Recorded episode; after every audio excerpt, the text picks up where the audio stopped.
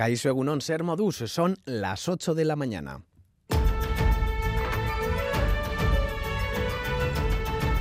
Crónica de Euskadi con Lier Puente.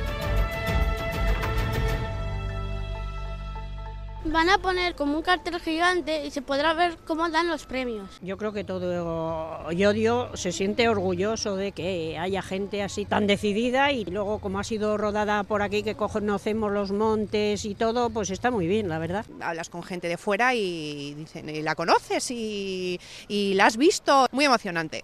En Yodio la jornada de hoy va a ser eh, especial 20.000 especies de abejas. La película dirigida por Estíbaliz Zurresola Esti, como la llaman allí, está nominada a 15 Goyas y el audio Orgullo allí es la palabra más repetida. Así lo avalan todos los premios recibidos desde su estreno en la Berlinale hasta el pasado fin de semana en los Gaudí. Pero no podemos olvidarnos del resto. Junto a la ópera prima de Urresola, en las nominaciones destacan Cerrar los ojos, 11 nominaciones de Víctor Erice, Chinas con 4 de Arancha Echevarría o Robot Dreams del bilbaíno Pablo Vergel con cuatro nominaciones a los Goya en plena carrera al Oscar.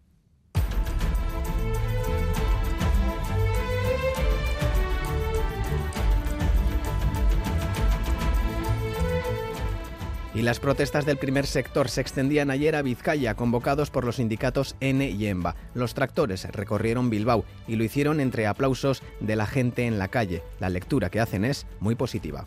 Pues a ver si arreglamos algo de la competencia desleal y todas estas normas que son absurdas. Mucha presión y no podemos aguantar. Si no salimos a la calle, pues las cosas no van a mejorar. Vamos a desaparecer el sector primario y cuando desaparezcamos, pues lo vais a pagar.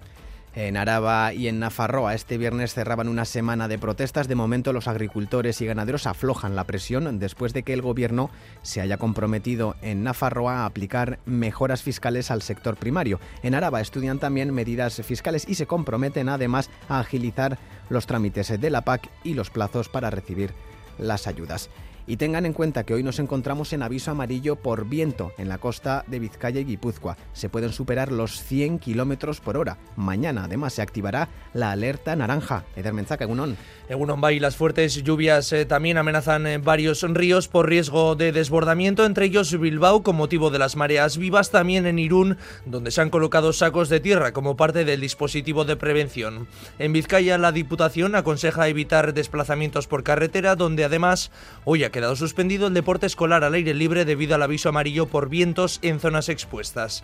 El Departamento de Seguridad recomienda no acercarse a paseos marítimos. El Paseo Nuevo de Donostia permanece cerrado. Salvamento marítimo esta mañana en Hágase la Luz. Una marejadilla que aumenta a gruesa eh, de madrugada y a muy gruesa por la tarde. Mar de fondo del noroeste de 1 a 2 metros que disminuirá por la tarde y aguaceros con posibilidad de tormenta y visibilidad temporalmente regular o mala.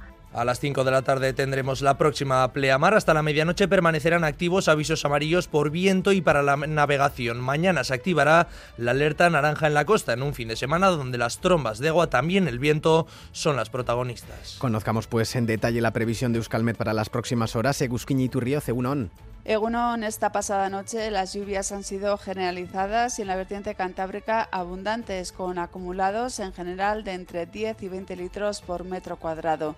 Durante las próximas horas seguirá lloviendo. A partir de ahora lo hará en forma de chubascos algo más dispersos, aún así podrían ser ocasionalmente intensos. Por la tarde lloverá menos en el interior, especialmente en el sur. En Álava y mitad sur de Navarra, gran parte de la tarde y de la noche aguantará sin llover. En cambio, en la vertiente cantábrica, al anochecer volverá a reciar la lluvia con chubascos bastante intensos cerca del litoral. Además, el viento de noroeste se intensificará mucho en el litoral, especialmente por la tarde-noche, cuando las rachas podrían superar los 100 km hora en las zonas más expuestas. En cuanto a las temperaturas, esperamos un notable descenso, con máximas entre los 10 y los 13 grados. Por tanto, tiempo de aspecto invernal.